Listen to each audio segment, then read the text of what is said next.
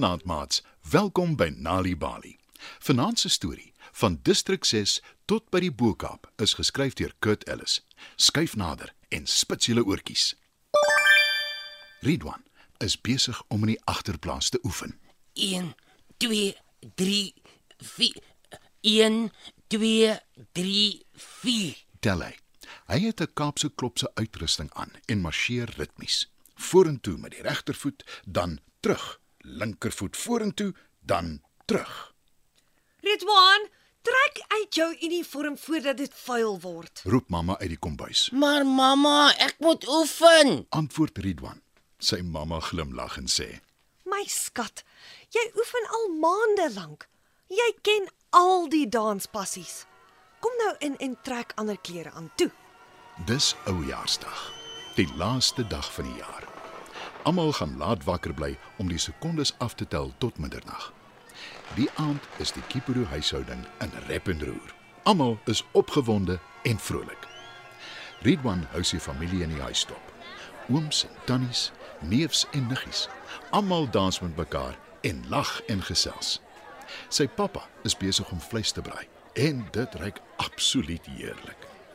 Ridwan kyk die rook optrek en deel word van die helder aandlig en die sterre. Hoekom staan jy so eenkant? Hoekom speel jy nie met jou maats nie? Vra Ridwan se mamma, Ek sal nou mamma. Ek dink net nog so bietjie aan die parade. sê Ridwan. Sy mamma gee hom 'n stywe druk. Moenie bekommerd wees nie. Jy oefen al so lank. Ek is seker daar is niemand wat die danspassies beter kan doen as jy nie. Verseker mamma. Nie eers oupa Isie nie. Vra Ridwan. Nie eers oupa Isie nie. En hy lei julle groep. As jy my nie glo nie, vra hom môre wanneer hy hier is. Gaan speel nou saam met jou maats toe. Antwoord mamma. Dis presies wat Ridwan toe doen. En hy geniet hom gate uit met al die speletjies. Die kinders vat net twee blaaskanse om te eet en toe dit amper middernag is en almal die sekondes begin aftel. 10 9 8 7 6 5 4 3 2 1 Gelukkige nuwe jaar! Roep almal.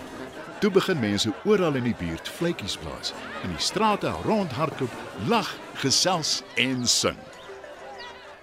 Die volgende oggend roep Ridwan se mamma hom.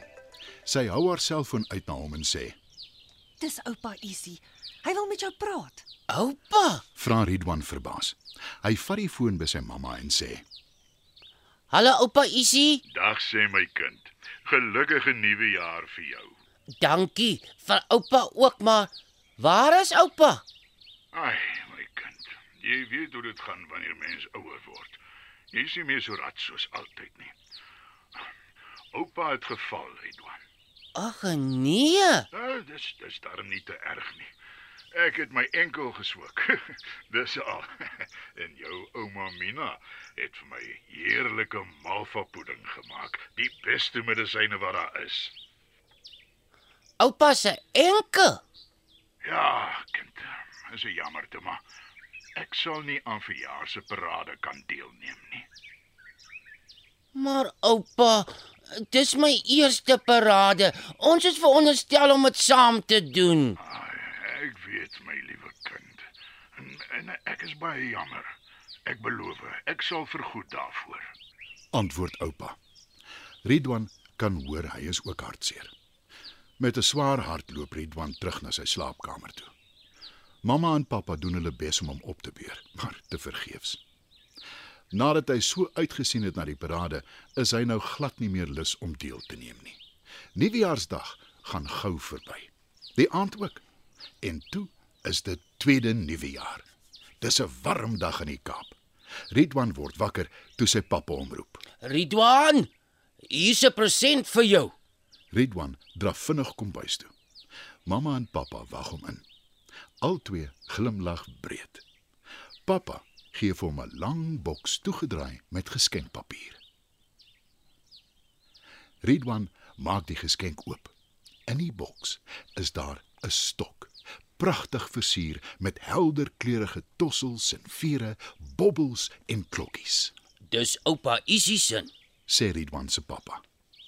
Ridwan kyk verbaas na sy pappa. Toe gee sy mamma vir hom 'n baadjie en sê: En ouma Mina het dit vir jou gemaak. "Dis 'n gestreepte baadjie met al die kleure van die reënboog," Dit lyk soos oupa se en hy is die leier van die groep. sê Ridwan verwonderd.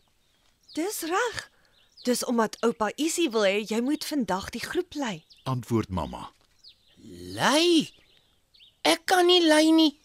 Ek het dan nog nooit eers deelgeneem aan 'n tweede nuwejaar parade nie. sê Ridwan verstom. Oupa lei al vandat hy 13 jaar oud was. En jy is nou 13, nie waar nie? sê mamma. Ridwan lag en sê: Nee, mamma weet ek is net 7, maar jy ken al die danspassies beter as enige iemand anders sou ek sê. sê Ridwan se pappa. En dis waar. Nou ja, toe. Gaan maak reg. Die groepleier kan nie laat wees nie. sê mamma. Ridwan kan beswaarlik sy opgewondenheid beteel toe hy draf om te gaan aantrek vir die parade.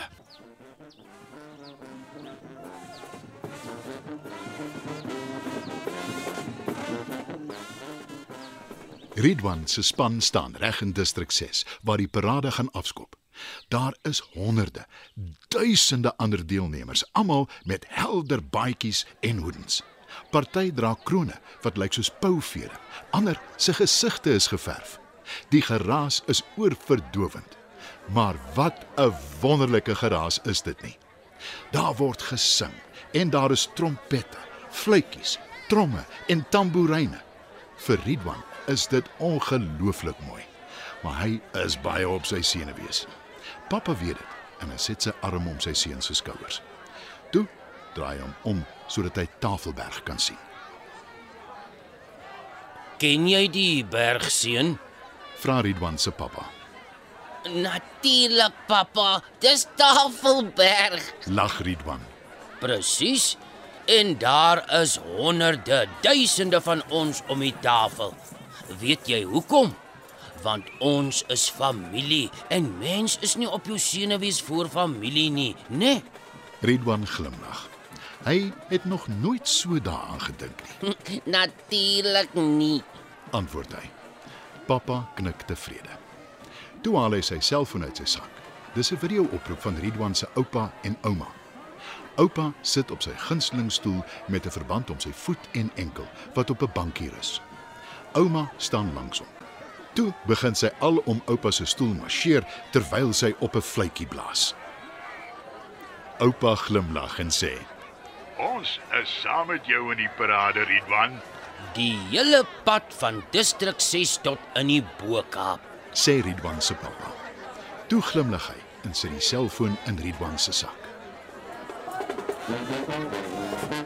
Ridwan is nou glad nie meer op sy senuwees nie.